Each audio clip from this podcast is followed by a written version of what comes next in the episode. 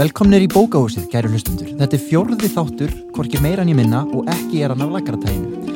Ég heiti Sverri Norland og er gestgjaf ykkar hér í bókahúsinu, hlaðverfi forlagsins.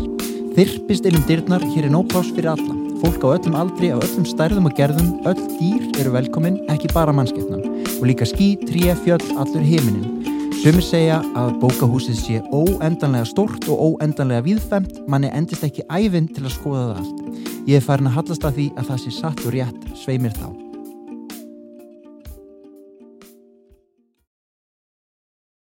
Dyrnar á kofanum eru skakkar. Lúin hurð hangir á efri hjörunum og skafur út í dyrraopið. Myrkrið fyrir innan er myrkrið á milli stjarnana. Myrkrið sem hefur reynt að tróða sér inn í vitund mína þrýst á skjáina. Ef ég fer inn, þá rýf ég himnuna sem hefur aðskilið okkur. Punkturinn á kortin er ekki bara hnit. Þetta er vendipunktur. Ef ég geng inn í myrkrið, verður ekki aftur snúið. Jæja, kæri hlustendur, þá er búið að draga mig hingað upp á myrkvað háaloftið í bókahúsinu. Hér er allt morandi kongulóm, gömlum leindarmálum sem grafin er ofin í kistla. Mér líður ekkert sérlega vel, ég er ekkert mikið fyrir myrkur, ég er raunar hálf smeykur, en það var hún Hildur Knútsdóttir sem krafðist þess að við hittumst hér í myrkrinu. Hún var að senda frá sér flungunýja bók sem nefnist Myrkrið á milli stjarnanna og er hrollveikja. Hildur, gott að sjá þig hér í myrkrinu, ég er enda að sé ekki neitt. Nei, já sem er leðis. Ég kannski kveiki á kerti. Gott að heyrir. Já, þarna, takk fyrir þessa skemmtilegu nýju skáldsöða, hveðan eins við svona nýjan tón hjá þér hérna. Ég las þessa bók í einum rikk og mér rann eiginlega kallt vatnmilli skins og hörunds og með ég las hana. Þetta er hrollveikja. Já, um, sko ég byrja á þessari bók sérst, á meðan ég var, því síðustu bækur sem ég gáð uh, voru sérst þríleikur hérna Ljóni, Nortnin og Skórin og þú veist og á milli sérst, annarar og þriðbókar þá var ég orðin náttúrulega þreytt á þríleiknum og langa að fara að gera eitthvað annað. Mm. og þá byrja ég að skrifa þessa bók. Og þessi bók er eiginlega, sko, ég veit að þeir leiðast, leiðast svona stimplar en, en, en þríleikunuðin sem hefur notið mikil að velgengni og fengið velun og, og, og er frábær, ég hef lesið hann, er svona hugsaður sem ungmennabækur, hvað sem það þýðir. En hér eftir ekkit endilega að skrifa fyrir ungmenni. Hér eftir eiginlega að skrifa fyrir bara fullorðið og mjög kjarkað fólk. Já, sko, já, ég veit ekki sérst uh, þríleikurinn, ég hugsa hann ekkit endilega fyrir sérst ungmenni þannig sko. Og ég held í rauninni kannski ef að Nordnin sem er miðjubókin í þríleiknum hefði staðið einn, þá hefði hún kannski ekkit endilega verið flokku sem ungmennibók og ég er svolítið búin að velta fyrir mér sko, hvað veldur því að einhver bók er stimpli ungmennibók og önnur ekki? Og ég held að sé aldur söguheitunar Mm. um, sérst, en þessi bók uh, fjallar sérst um konu sem er bara svona á aldur mig. Já, og hérna, og eins og ég sagði, ég var ekkert mikið að pæla í neinu, þú veist, þetta var bara svona smá breyk frá uh, þríleiknum.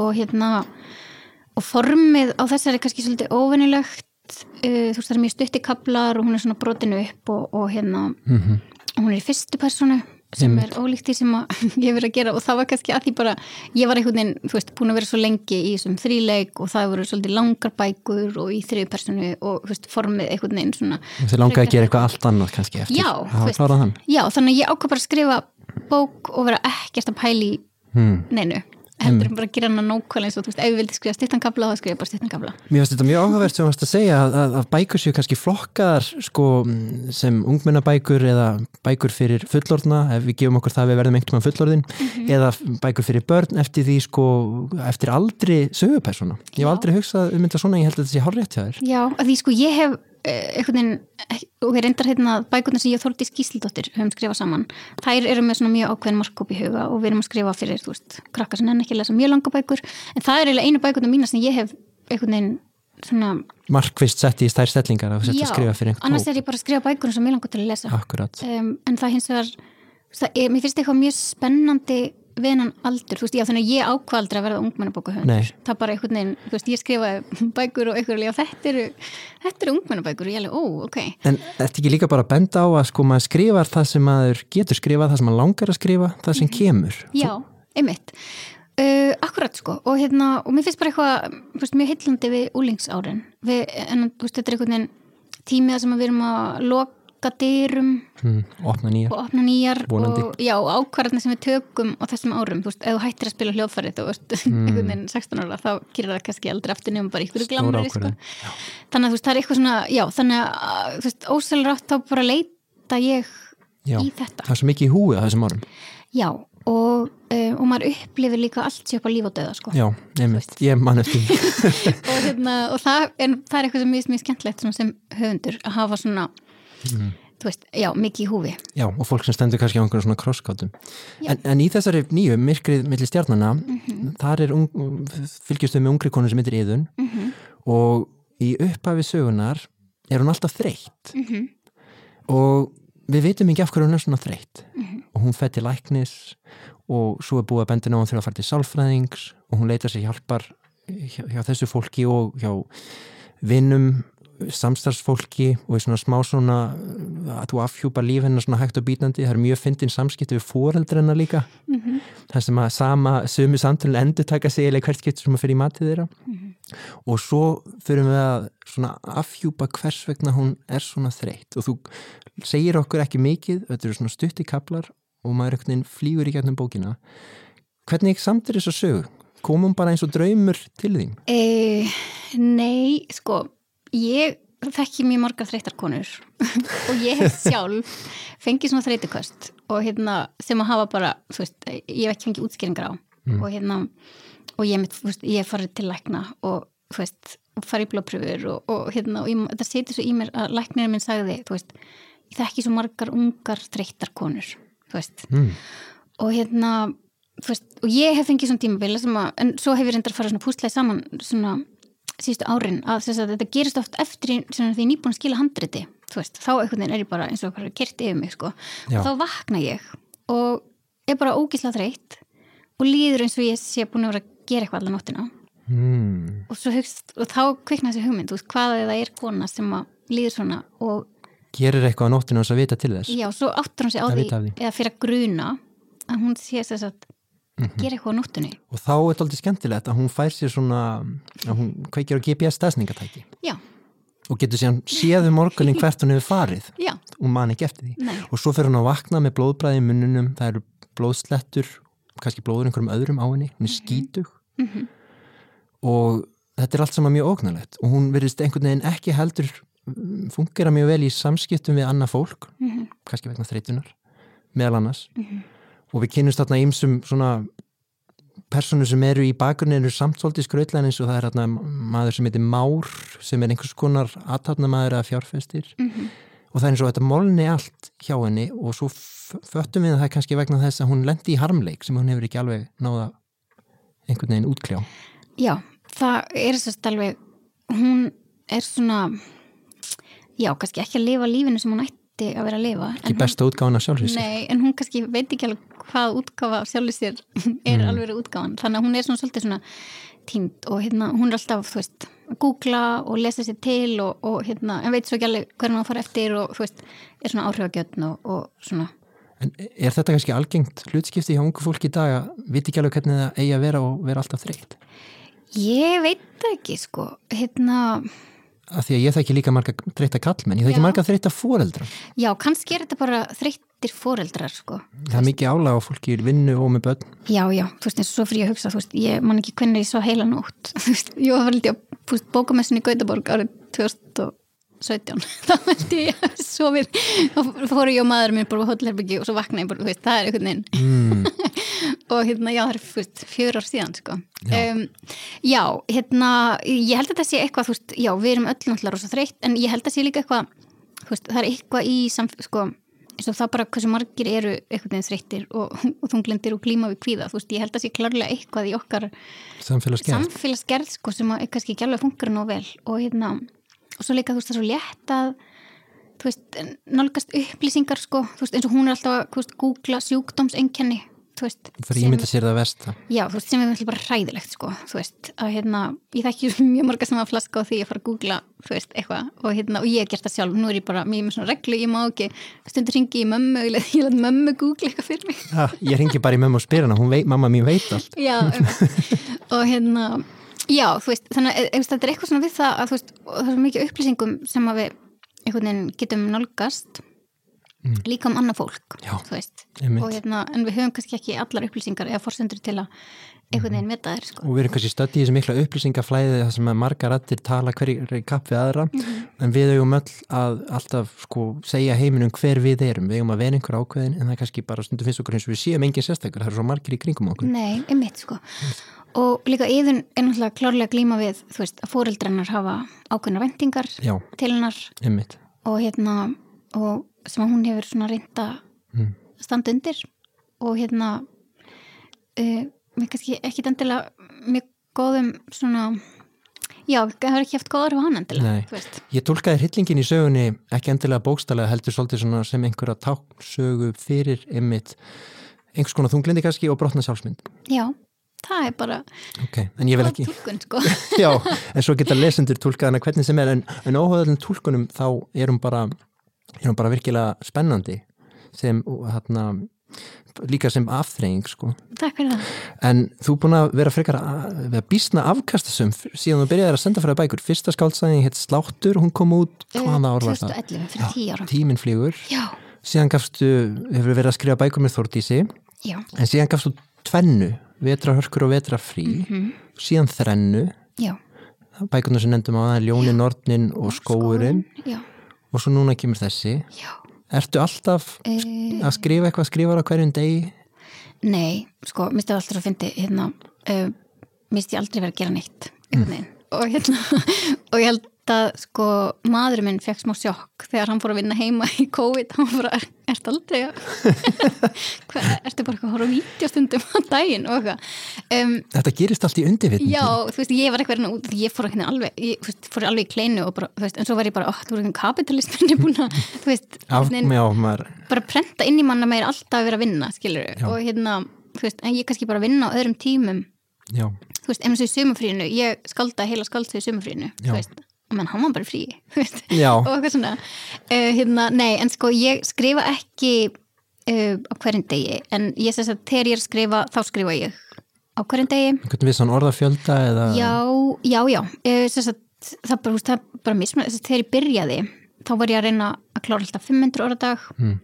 um, svo bara komum við veist, 1000 nú er ég skrifa ég lámarki 2000 orða dag Já, það er vel að segja ekki ég get skrifað miklu meira veist, þannig að ég er orðin um, miklu, mér fyndi áhugavert að fylgjast með svona hvernig úthaldið Já, þetta er bara eins og íþróttamaður. sko, já, og hérna og sérstaklega þegar ég er að klára sérstætt, klára sögur þannig að síðustu vikurnar þegar ég er búin að skrifa að því þú veist, þegar maður er að byrja að skrifa þá maður kannski ennþá einhvern veginn að semja meira Mhm. sko um, veist, en ég get alveg fara upp í síðustóra dag sko, Já. alveg hérna Ég geti það líka en það er kannski ekki dóðalega flott útkoma.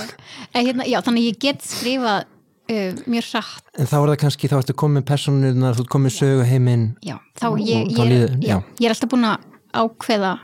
Ég, ég bara fæ bara slæður út af mér kvöldum svita því ég heyri af höfundum sem að setjast neyður og byrja bók og þeir vita ekki um hver að skrifa. Ég bara, Ég er þannig, en ég er líka þannig að ég veit ekki hvað ég ger eftir korter sko. Nei, ok. Já, ég er alltaf Ég búin verð stressaður á hinvegin ég er alltaf búin að plana Já. þú veist, þannig að þegar ég, eins og núna er ég að hugsa bók og ég ætla að byrja að skrifa annarkvært, þú veist, bara núna fljótlega sko eða kannski bara síðastilega januar og hún er eiginlega tilbúin Mm. Vá, eða, þannig að þú ert svona plottari. Já, ég er flott Þú, já, markar brautina áður en leggur á stað. Já, Ég er bara þannig í lífin almennt að það er svona þoka og ég með eitthvað vasaljós ég er svona rétt síða fram ok, nei, ég er alltaf með plan sko. Já, ok, það er gott að hafa plan. Já, einmitt. En svo kannski finnst, en svo svo óþælt þegar um, það gengur ekki upp. Eins og fór, það var svo ræðilegt að skrifa hérna, skógin, sko, mm. því þá var ég búin að plotta bókina og svo kom bara leikskólaverkvall, svo kom COVID og ég gæti ekki skrifa hana og þú veist, Það er ekki tíman, planið fokast upp, sko. Já. það var ekki, þannig er lífið oft ég mist ekki mjög gott að lifa í ykkur svona, þú veist En, svona, en, en, en svo, þegar þú kláraðir hana þá hristur allt innu fram úr erminni þessa, þessa meitlu hrollveikju Hvaðan áttu þér einhverja áhrifvalda, hvað lestu? Uh, ég les bara um, alls konar. Ég reyna alltaf að vera mjög dugleg að lesa jólabókaflóðið. Já, og hérna, þannig ég reyna svona að fylgjast með með hérna um, vel hér heima. Uh, en þegar að, svo les ég mikið á ennsku og það er mikið fantasíur sem ég les. Já, og hérna, og svo er ég líka hrifna af, af svona young adult ungmenna bókum já. Uh, já, þú veist, nú er ég að lesa nýjustu bókinu hennar Naomi Novik til Ok. dæmis. Og hérna, Hver er það? hún er frábær, hún er bara, ég var um þetta að hugsa á þann þegar ég var að synda, ég held að hún sé uppbóls reytöndri minn núna, hún er bara snillingur, hérna temmerer bækunar hennar eru þess að Napoleon stríðin nema með dregum og hérna Æ, er hún búin að nota þá hugmynd? Ég er búin að vera með þetta í minnisbók. Nei, reyndar ekki. Og hérna Ok, skemmtilegt. svo þú veist, hefur hún skrifað, já, tvær svona e, bækur sem að standa einar sem að heita Uprooted og Spinning Silver og hérna og núna er hún að skrifa þess að, ég held að þetta verið þríleikur sem að er að, hún kom hérna sko á Icecon fyrir þreymur árum, eitthvað svo leiðis og þá var hann mitt að segja frá þessari bók eða þessum bókum sem að vinna núna. Og hún þess að var að lesa Harry Potter bækunar og henni fannst þess galdrar of ódýrir, þú veist, henni fannst ekki nú mikil kostnaður bakvið einhvern veginn kraftana. Já, þannig að þess að bækurnar sem ég er að lesa núna sem þetta The Skolomans er sérst um ungmenni í galdraskóla nema þú veist það byrja þú veist þúsund og þrjúundur útskrifast já, já, ok. Meira þannig að já, skólin, skólin er að reyna að drepa Já, krakkana já, þau deyja raunverulega. Já, Þau, já. þau bara flosna ekki búin á mig. nei, nei, Já, Þau- það er já, hræðilegt. já Já, ok. og hérna, já, og ég er náttúrulega mjög mikið svona Harry Potter nörd sko, þannig að hérna Þannig að ræturna hjá þér eru svolítið í þessum svona stórum söguheimi, já, svona litríkar og lifandi personur, maður er svona, hluti af lestargleðin er að uppgöta heiminn. Já, já, mér finnst það sko Já. og hérna, sem er kannski ástæðan fyrir ég geta haft þessa svona stutta því hún gerist bara í, Í heimi sem- í Reykjavík já. sko. en, hérna, en ég held með þessa bók sko, um, þú veist, svo verð ég líka fyrir áhrifum af bíómyndum þú veist, og sko fyrst ætla ég að skrifa þessa bók ég fekk þessa hugmynd og ég ætla að skrifa bíómynd mm. því ég held að þetta veri bíómynd sko. Það getur verið bíómynd. Já, ég held að þetta alveg fín bíómynd líka sko. Ég þór ekki að fara á hana en hún er þið flott. Já og hérna, veist já, og það er alveg senur í þessar bók sem eru inspirerar af bíómyndum sem að kannski ykkur getur, getur Ég held að okkar sko. kynslu rithöfunda sé mjög inspirerað af kvikmyndaforminu sem er kannski svona aðeins að láta undan síga núna með þáttaru, eftir því sem Já. þáttaruðum vex ásmegin geti verið sko en þess vegna hendur okkur ofta að skrifa svona stuttar mittlaða sögur sem er svolítið líkast bíómyndum já, einmitt En eitt að lokum, nú hefst hið allræmda jólabókaflóð. Finnst þið skemmtilegt að taka þátt í? því? Finnst þið skemmtilegt að hitta lesendur flakkum og, og, og Eh. lesa upp spjalla? já, mér finnst mjög gaman í jólbókaflöðinu um, en ég er hins vegar sko, ég held að þetta sé þá 50 eða 70 jólinn í röð sem er bók sko Já, og ég er alveg til ég að fara að taka með pásu eða gefa þetta að vori, eða gefa þetta voru sko já. með hækkandi sólu. en- Einmitt, hérna, en sérst, ég fekk náttúrulega pínu pásu í síðustu jól, sko, því það var náttúrulega að. COVID og ekki hægt að gera neitt, sko. Þannig að, hérna, já, þannig að ég er svona að hugsa um að vera kannski ekki minna bóku næsta ári. ok, sjáum hvað gerir. Já, en kannski, ég veit ekki, svo kannski, en eins og ég ætla ekki að vera um bók núna, svo kom þessi bara og Já, byrtist bara. byrtist bara. Takk fyrir þessa skemmtilegu sögu og takk fyrir að spjalla við mig. Gangi vel í jólabókaflóðinu, að sofir vel í nótt. Já, takk fyrir.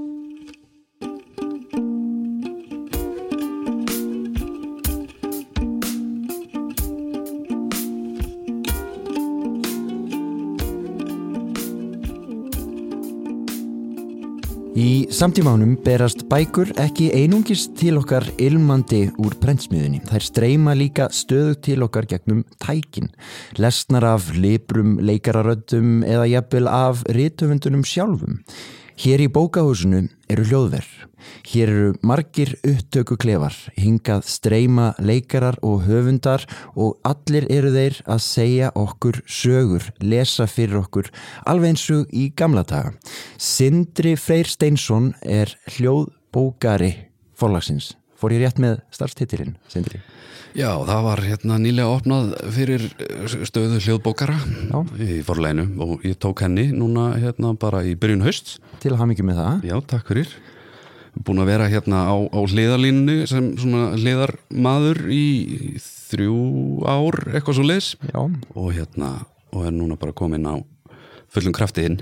Ég las nú einu svona hljóðbók eftir mig á forlæginu og undir digri stjórnþinni og það var ákaflega þægilegt. Þú er rosalega svona, svona þægilega nærveru sem er held ég líkil atriði fyrir þá sem er oft í svona, svona hljóðversvinnu. Er, er, er þetta meðfætt eða er þetta eitthvað, er þetta bara svona þægilegur? Sko, þetta er hérna náttúrulega meðfætt en, en þetta er líka bara sko ég veit ekki hvort maður á að segja það en, en í, í hljóðbransanum þá er þetta eiginlega sko fyrir utan hérna allan búnaðinn að þá er þetta eiginlega þitt helsta atvinnutæki. Já, vegna þess að e, á tímum það sem að menn hérna, geta skokkað út í búð og keft sér hljóðnema og, og hérna, hljóðkort og tengt og ít á play og haldið þeir sig með þetta bara einhvern veginn á þess að vita neitt. Og þá er þetta bara eitthvað sem getur komið aðeins lengra líka. Já, þessi svona fagmannlega þægilega nærvera Já, laða fram það besta í höfundum og leikurum sem er að lesa. Já, pluss það sko, ef þú ert hérna, ef þú ert hastur eða ef þú ert að reka á eftir fólki eða fólk finnur og stressar og þá stressast það upp og í Já. hljóðbókalestri þá er það ekki hérna, Nei, þú vilt ekki,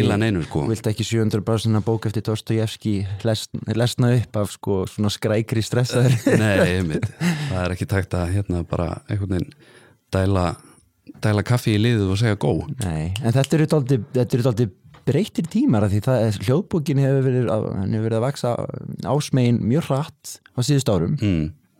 og það er svona tíman að tákna núna hjá forlæginu er þetta bara spes staða og, og, og, og það hefur verið að taka úr hljóðbækurnar um, á sama tíma það er verið að sko, senda þær í brennsmiðuna Já, einmitt og þær koma jafnvel út á hljóðformi og, og bókaformi á sama tíma Já, mér skilst að þetta sé stefnan að, að vera með hérna bara svona triumvírat, uh, hljóðbók, uh, rafbók og, og Já. prentaða á sama tíma. Þannig að hérna, svo náttúrulega reyndir allur gangur á því hvað hérna hverju ákveðnir höfundar vilja dreifa á hverjum tíma. Einmitt. En hérna þetta sé þá alltaf tilbúið. en, en, en heldur hvað, hvað finnst þér gera góða hljóðbók? Er önnur list kannski að skrifa hljó, fyrir hljóð en, en fyrir bókina? Já, það náttúrulega gefur aug, auga leið sko að uh, texti lesin er daldið annað fyrirbæri heldur en hérna, uh, já, rítað mál Já. Þannig að hérna, sumt kemst ansi vel til skila og annar kemst mjög illa til skila. Uh, ég veit ekki hvað maður á að segja sko spennusögur til dæmis að verðast virka vel í þetta format. Já. en eh, fagur bókmentir með mögulega tyrfnum texta eða, eða einhverjum svona uh, orðaleikjum eða, eða það sem er verið að vinna með tungumálið meira það, það skilar sér kannski verð um, Þá veldur nú kannski mikið líka á því hver það er sem les Já, og svo náttúrulega er þetta uh, þá, þá erum við komin út á í raun og veru stað sem að hérna er uh, sem að deila um hvað er hérna gott í þessum málum og hvað er ekki. Uh, er það gott að höfundurinn sem að hefur hérna, sem að gjör þekkir verkið uh, lesi verkið og, og miðliði á sinnhátt eða viljum við fá einhvern mentaðan leikara e, til þess að leiklesa það. Já. viljum við fá hérna, sem sé, hljóðbókalestur sem að það sem er meira að vera að tóna frekar heldur en að setja sig í karaktera. Uh, hvað af þessu er æskilegt uh, hvað er fallegt og hérna uh, svo er alltaf spurning sko hvort það sé loka punkturinn hvað vil neytandinn? Já, já. Og erum við að þessu hérna, á sama hátt að við erum stundum að gefa út bækur sem við vitum er að, eru ekkit endilega söluvænlegar en uh, við gerum það af því það er hafa eitthvað meira gildi. Já. uh, Og við trúum á menninguna Já. mikilvægi hugsunar og, ég gerum við og, það. Já, ég gerir það. Já, einmitt, en það er spurning sko hvort að e, það sé endilega það sem að hérna e, er efst á prjónunum í, í sko hljóðbókabransanum í heiminum í heild. Nei, nei, og hérna en það er svona mikilvægt að rætunar heyrist. Já, og, og hérna ég er þeirra skoðunar að það sé afskaplega mikilvægt hérna, að fá þá höfunda til þess að lesa sem að geta lesið uh, bæði út af því að það, þetta er náttúrulega þeirra verk og, og hérna þeir hafa insýn í og ákveðin vilja með sínu verki. Uh, burt séð frá öllum hérna postmodernisma og, öllu því dóti en ekki síst líka bara fyrir sko uh, sem söguleg heimild. Já, að þá er þetta uh, við eigum þessa lestra til dæmis með Halldóri Lagsnes uh, við varum ansið mikið fátækari ef að þeir var ekki til. Einmitt. þannig að hérna og svo eru aðrir með aðra skoðanir á þessu að höfundar hérna flækist fyrir sínum verkum þegar það er verið að þýða þetta af bókmentaforminu yfir á hljóðbókaformið. En það er náttúrulega líka bara vandasamt að lesa vel og ég hef tekið eftir í stundum að ofbúrslega flinkir leikarar eiga til að ofleika lestur kannski fyrstu tilraunum og svo slípast þeir til að því að þú vilt ekki gæða personur of miklum karakter. Þú, ekki, þú ert ekki á leiksviði þú ert að, þú ert að lesa fyrir okkur. Emmitt, emmitt þannig að það er náttúrulega eitthvað sem kannski fólk er að ná meir og meiri tökum á núna eftir því sem þetta, þetta form þarna dreifist víðar og stækkar og Já, emmitt og, og svo náttúrulega sko eru í, í upptökum sem slíkum eru uh, fleiri en ein nálgun og hugmyndafræði Já. ef við tökum sem dæmi Lestra Halldór, Halldórs Lagsnes í, í ríkisútvarpinu þá eru þeir uh, svona það sem að er það sem ég finnst líkta af sko svona eh, heimildafræðilegri eða svona etisónískri hérna, upptökuvinnu. Það sem við heyrum að Halldór Lagsnes situr í herbergi og er að lesa bókina sína. Já, já, og skrjáar í pappinum skrjávar í papirnum og við, við finnum fyrir manninum í gegnum mikrofónin á meðan það sem við erum meira fást við er, er einhvers konar svona uh, nálgun á, á hinnu fullkomna um, þú vilt ekki trublanir það sem er bara aflíkömnuð rödd sem, sem flýtur í, í eiranuðinu sko. svífur í tómi og einmitt. Og, hérna, og þetta er aftur sko spurningum uh, pólitík og, og vilja uh, í, í því að þróa þetta eða hva, hvað er þetta forma á að liggja sko. En við yfir náttúrulega tíma hérna svona snurðulegs svona framleiðslu á, á, á, á einmitt vörum sem svona hendamörgum og ekkert að vera Nei, það er einmitt hérna aftur sko, erum við að framleiða content Já, já. eða erum við í hérna, uh, uh, hefur þessi starfsemi okkar eitthvað eðra og mikilvægara gildi heldur en að fylla upp í tímafólks á milli þess að hérna, kemur úr vinnunni og fer að sofa. Já, nú sittum við hér inn í bókahúsinu og við megum í raunni, við megum tala frá hjartanu og, og öllum þeim sem er bóðin í bókahúsið, þeir, þeir þurfa eiginlega að vera málsvarar, menningar og bóka Já. og ég ætla fyrir mitt leiti að fullir að við séum að vinna hérna einhvern sko mikilvægt og aðra starf og menningin hún er þannig og hún þarf sína málsvara. Og ég heyrði þetta um þessum daginn svo, það var svo, það svo hressandi. Það var Ei- Einar Sveinsson fyrir um þjóðleikustjóri við Já. vorum að ræða menningu og hann talaði sko, um okkur Íslandingar sem menningar þjóð og hvað við þurfum að gera og svona. Mhm. og það er orðið svolítið sjálfgeft í samtímanum að heyra þennan eldmóð. Já, þannig að ég, ég held að, ég held að, að, að hljóðbókar gerð þetta er Þetta er eftir því sem þetta verður miðlægara og meiri hlustun Mm. og hvílir viss svona skild á þeim sem er að framleiða hérna hljóðbækur að búa líka til já, öðruvísi hljóðbækur já, ekki bara meginströmmin sko emmitt, emmitt.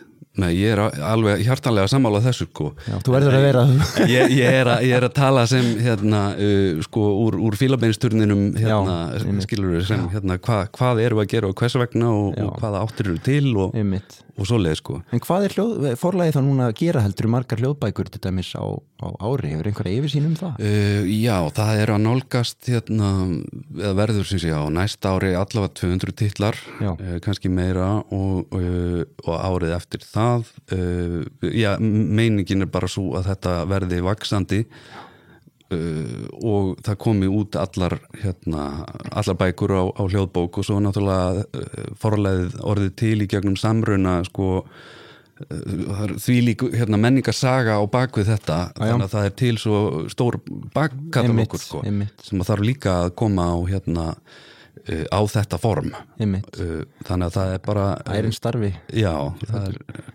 lítur út fyrir að hérna að við fáum aðeins að bretta upp uh, ermarnar. Já, einmitt. En þarna, þú ert tónlistamæður mm, já, þannig að, og náttúrulega hljóðbókari. Já.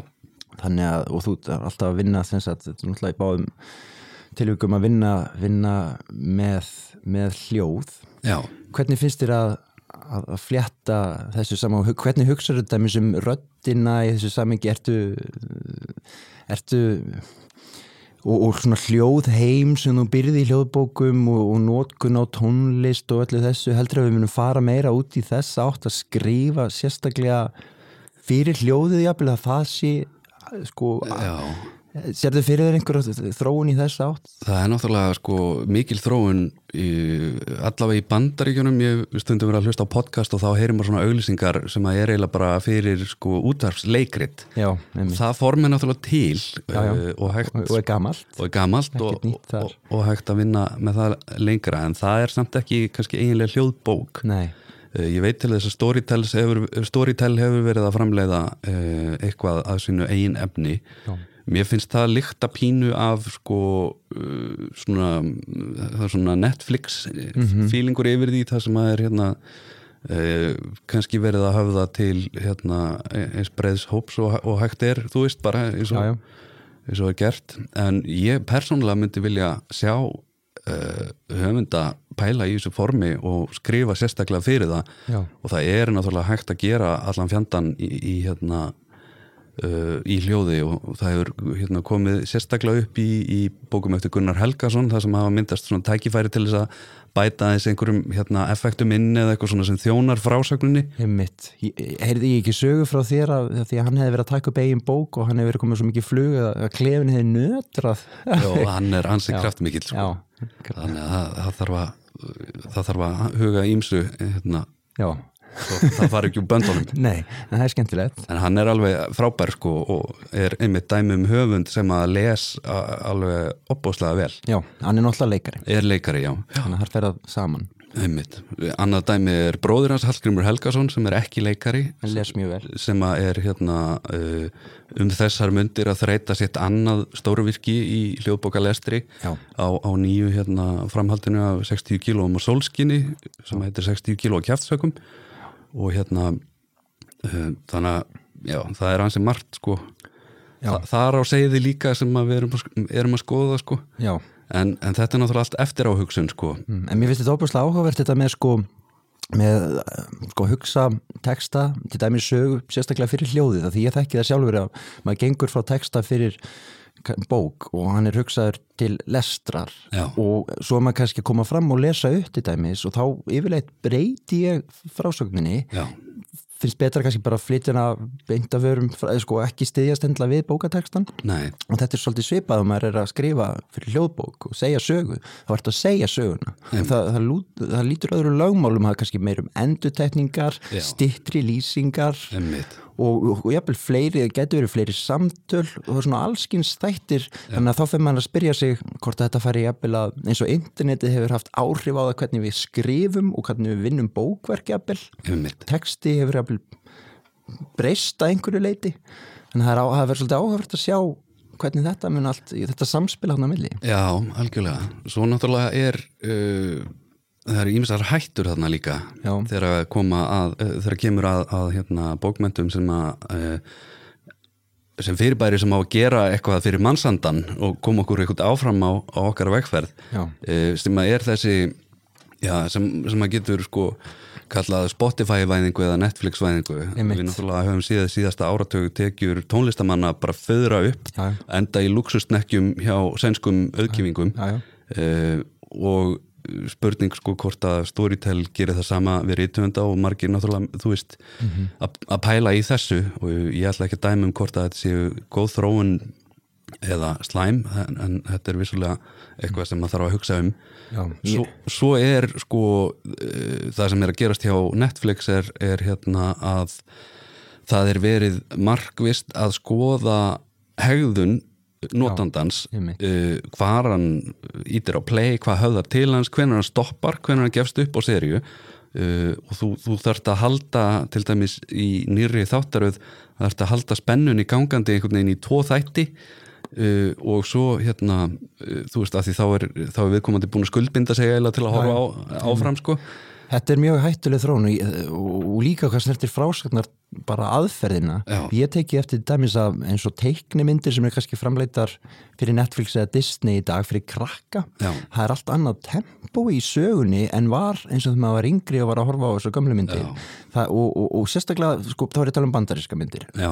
En þá evróskar myndir, það er, það er, annað og slakara tempo, Mhm. en það er svo ör slátturinn í frásagninni að ég verð hálf órólegur. Já og þetta eru einhverja mælingar og, og alltaf eitthvað nýtt til að halda öllum með efnið. Mhm. Já. en ég heldur þurfum að rækta upp líka svona, svona einhver svona rólindi og, og svona og, og getu til þess að hverfin einhvern heim og samþykjan og, ánast að þurfi stöðut að vera sko að slá okkur utanundir eftir genn að fylgjast með eftir genn Halló. En þetta er þessi hljóðbókarheimina sem að þú sérð hegðun hlustandans Já. eða lesandans. Það er aldrei skrítið Það er nefnilega mjög merkilegt sko og hérna uh, bara, já, getur verið ákveðið hætt, hættu efni fyrir hérna, fyrir þá rithöfunda sem að eru ekki að framleiða kannski uh, já, framleiða, já, segi ég að skrifa hérna bækur uh, sem að fylgja ákveðnum formúlum segjum sko, segjum glæpasagan. Það er, það eru náttúrulega opbóðsleg flóra í þeim en það er svona ákveðin formúla og, og hérna einmitt. uh, þeir, þeir sem til dæmis eru ekki að gera það uh, verður þá svegrumið fyrir þá minna. Maður vonar ekki. En, en svo getur maður líka að hugsa þeim sem sögu skáldsögunar þannig að allar formúlubókmyndir í dag þær falla fyrir utan bara sögu skáldsögunar sem listgreinar. Já, og það eru þeir sem er að gera eitthvað nýtt sem er að íta. Sögunni áfram. Og, og þetta er hætta líka. Já, en við höfum reynda síðan náttúrulega sko í, í gegnum allavega 2000-öldina að uh, formatið sem að þú miðlar menningu á hefur, getur haft greiðarlega áhrif á menninguna sjálfa, bara eins og sko hérna lakkplötunar, það komist bara einhverja 8 mínútur þær. Já, já, á hvora hlið, 45 snúningaplötur það er svipað uh, vínillin er hvað, 40 mínútur? Stakkurinn geisladiskurinn er sérhannaður fyrir sko 9. sinfoníu Beethovens. Já, einmitt Eh, alveg er þannig að, hérna, að það er já, fólk náttúrulega þarf að falla í formið. Og er þetta ekki kallað á ennsku að þekktu frasi the medium is the message þannig að ja, einmitt, miðlunalegin mótar efni sinni já. En ég er svo, ég er svo, ég er ólæknandi bjartsinnismæður sem er bæði slæmt og gott. Já. það sé nú kannski frekar gott en slæmt ég. Og ég lítið dæmis þannig á mér, mm, sko, það er náttúrulega opaslega gaman að láta lesa fyrir sig. Og við mögum ekki hætta að lesa hvort fyrir annað líka bara í eigin personu Já, en þessi, mér finnst þetta svolítið skemmtilegt með þessar sögur, ég held að fólk sé að hlusta þegar það væri ekki að lesa sko, í svona á göngutúr þegar Já. út að prjóna út að slappa út í bílnum og þannig að bókin jafnvel bara stuðlar að því að gera hana sko, ekki það hún sé ekki ennþá miðlæg. Emmitt þetta örfi jafnvel áhuga og fólk kaupi þá bara líka meira af bókum Mhm. og lesi meira af bókum. Já, algjörlega, ég held að þetta sé nefnilega bara opaslega góð hérna, viðbót í, í flóruna og, og hérna einmitt, fyrir þá sem að geta kannski ekki verið haldið á bók í einhverjum aðstæðum að, að þá er þetta það rappa fram að kletti og Já. getur ekki ég einmitt gerði tilraunir til þess sem úlingur sko að lappa og lesa já, einu, það er ekki Já, þú gerðir það? Já, það var mjög stókst sko. Vinkona mín sko hjólaði og las Já, er það? en hún hætti því og hún liði það af. Já, einmitt. Og svo var reyndar einu sinni bróðum en var að hugsa um bók sem hann var að lesa og hann hjólaði á krana og fikk gata hausin Einmitt. það var við varum miklu frá Kasmir eftir Lagsnes Já, akkurat. Og hann hefur aldrei beðið spætu sér, nei nei, hann er að, að jafna þessi fljótt. Já, já, já, hann er eins og hættur sem fylgja lestur það er hættulegt að lesa. Já, og það er það góða við að lesa. Einmitt. En þannig að, þannig að þannig að þessi framlistan í hljóðbóku hún er bara aukast hjá forlæginu og Já, þetta er bara komið, komið til að vera og, og bara hérna, mjög góð viðbót hérna, við þetta og, og allt annað líka heldur en var þegar það var bara hérna, hljóðbókasafnið einmitt. sem að hérna, er náttúrulega þá sko, að, þá er þetta hreinn og beinn upplestur Já, já. eða skiluru einmitt. Og, og þjónaði því hlutverki. Þannig að nú erum við komin á hérna, einhverja svona listrætni slóðir og, og hérna og já, stöndum bara á í raun og veru krosskötum hvað þetta varðar uh, hvað varðar framtíð Einmitt. hérna, miðilsins og, og framtíð menningar. Já, þetta eru stór orð. Og, og hvar hlusta maður á hljóðbækur forlagsins í dæmis? uh, þær er hægt að nálgast uh, allavega var fyrir skemmstu á hérna appi forlagsins, hljóðbókar appi þar sem maður hérna kefti í gegnum heimasíðuna og hún byrtist mann í appinu. En uh, það er þannig uh, eins og staðan er að Storytel er stæsti dreifingaraðili hljóðbóka forlagsins En þannig að þú getur hlusta jafnvel á hljóðbækur frá forlæginu hjá, í, á appinu frá forlæginu Já, og svo koma þær inn á Storytel stundum aðeins setna Já. eða það er allir gangur á því. Emmitt og, og, og eftir bara óskum höfunda eða, eða hérna öðru Já. sem að kemur, sem að stýri því sko. Já, ok. Já, gaman að spjalla því sindri, ég getum spjallað endalust sennilega. En mér sýnist þarna það er, það, er, er einhver hérna, líka við yfirlið, hann er búin að vera að lesa hérna, 700 blassina bók, einn leikarinn hérna út í hotni ég held að maður fara að hlúa á hann brinnánum hann verðist vera, hann er svolítið þyrstur. Til setjun að búið lengur, takk. Takk fyrir mig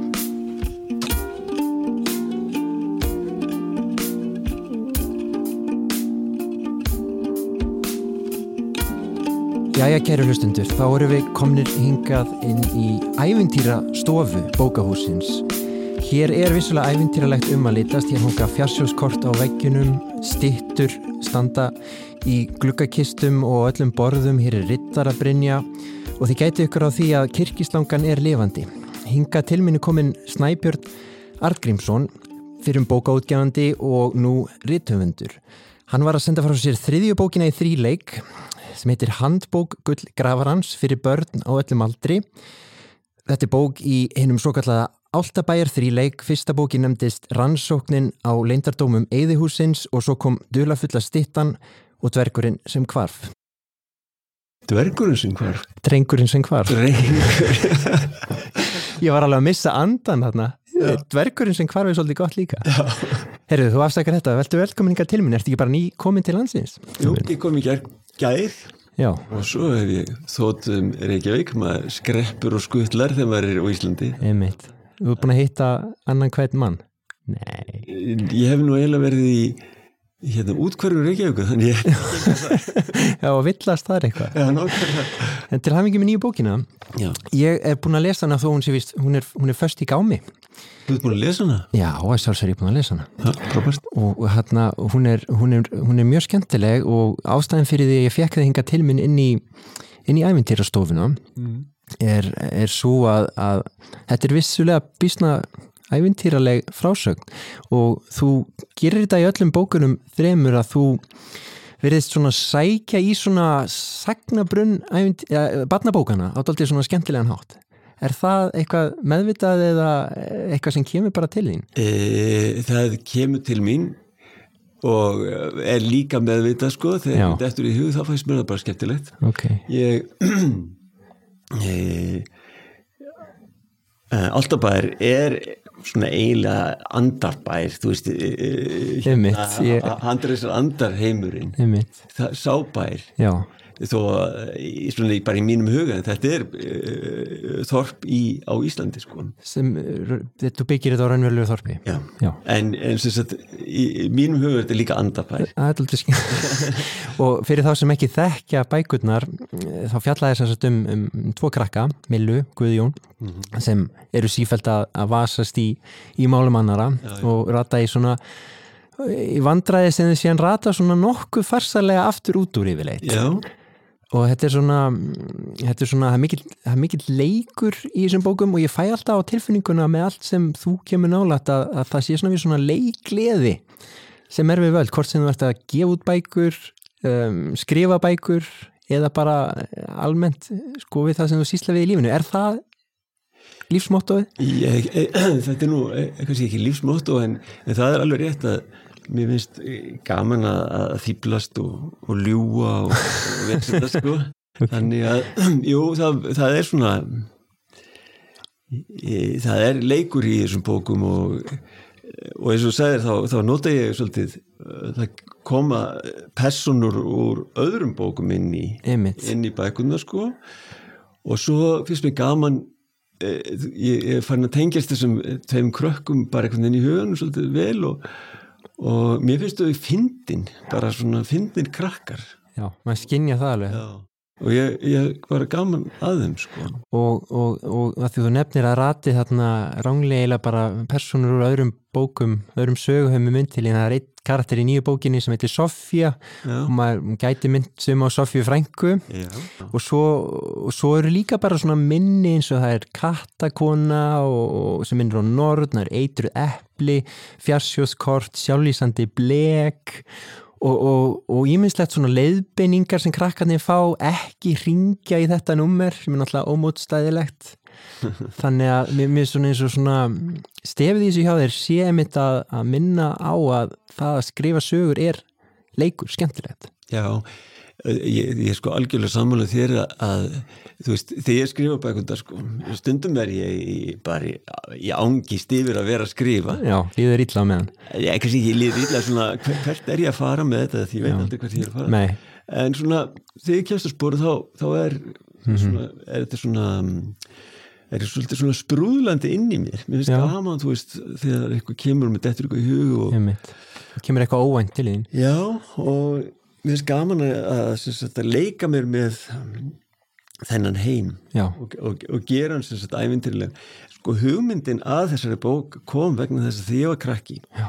Þá ákvaði ég sjálfur að grafa niður fjársjóð fyrir börn framtíðirinn. já er það Ég, ég, ég, og Það er óbúslega fallegt já, að því mér langaði svo sjálfum að finna fjársjóð. Já, Þannig að ég gerði það, ég fann vindlegkassa, pappi mér reykti vindla, Já. svona stóran, fínum vindlegkassa og ég, ég fyllt hann á gósi hvers kynskossi að því ég held að öllum börnum það er svo gáðan að finna. Já. En kannski ekki 20, 30, 40, 50, 60, 70 ára gammal Það nei, fyrir ég- hvenar börnin. Svo lokaði kassanum og hérna og gekk og taldi skrefin frá heimilinu mínu, ég geng 30 skref til hægri og skrifa það niður. Og svo gekk ég 170 skref niður Já. og 200 skref til vinstri. Þetta skrifi allt niður sko. Og svo endaði ég það sem nú er bræður Ormsson í Lámúla Mhm, og þarna gróf ég þennan kassa fullan af salgeði Já, já. Og svo fylgdist ég svona með með einhvern einhver findan sko. Ég hafði skrifað eh, eh, kort sem ég setti svo í flösku og, og, og hérna henda víðavang. Svo fylgdist ég svona með hvort einhver kæmi. Og ég sá aldrei neitt og, og, og allt var við kýrum kjörum svo einhvern tíma því var hún fullar um maður og var að keira sé ég þetta grafa sem sagt, eh, stór grafa sem er að grafa fyrir grunninum og bræðunur Ormsson. Það er verið að steipa yfir draumana Já, Bókstælega Þetta er engin smá saga. Þannig að eh, þetta var svona eh, kveikjan, ekkert ekki kveikjan svona, þetta kom til mín. Já, en það er nefnilega daldið svona plott síðan í bókinni. Já, já, þannig að kemur í lokin svona afhjópun sko. en, en ég finn það líka að þegar þú ert að skrifa þá er gaman, þú veist ekki hvert sagan fer. Nei. Og það er þessi svona frjóa vannlíðan mm er það ekki? Manni þarf að líða illa svo allt í henni kemur eitthvað og þá líður manni svo, svo skemmtilega það er nefnilega sko ég man ekki hvert ég var komin í þessari sögu því ég, ég gekk fullkomlega á vegg. Ég vissi ekkert Mm. hvað átt að gera hvernig, hvernig ég átt að leysa þetta vandamál. Já. hver, hver var ástæðan fyrir þessu öllu og hver þannig ég gekk bara fullkomlega á vegg og, og, gekk bara um gólf í nokkra vikur sko, eiginlega Já, og hugsaði. Og svo uh, mjagaðist ég áfram í þessa átt. Ok en það er náttúrulega það sem sögur eru það er þarna byggjum þessar væntingar í hugum lesnda og búið til vandamál. Já, en það er kannski öðvöldur að búa vandamálinn til en að leysa Já, alveg svo í lífinu sjálfu það var þannig ég var búin að búa til æg Já. svona uh, já, svona heim en hver- hvert átti þetta að leiða, hvernig, hvernig stóða á þessu öllu sem hafi gerst Einmitt. ég vissi það ekki sjálf Nei, þetta leysir síðan farsalega Já, já. í, sögunni.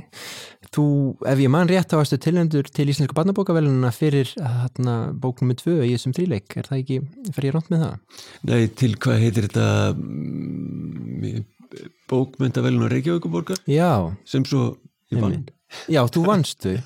Já. alveg rétt, ég sé fyrir mig myndaðir hérna Já. fyrir utan höfða, getur það verið? Jú, já, með, með, já. öllu Einmitt, einmitt, frábært. Og nú er komin þriðja bókin, er þá þríleiknum lokið eða? Þú veist, eh, já, í mínum huga sko Já, ég hef aldrei getað veginn eh, tekið að mér hlutverki rítöfundar nei. Mér er alltaf þótt að ég, ég, það er alltaf fínt fyrir mig að vera rítöfundur Finnst þér það fín? Já. Já, Vill einhver lenda í þessu?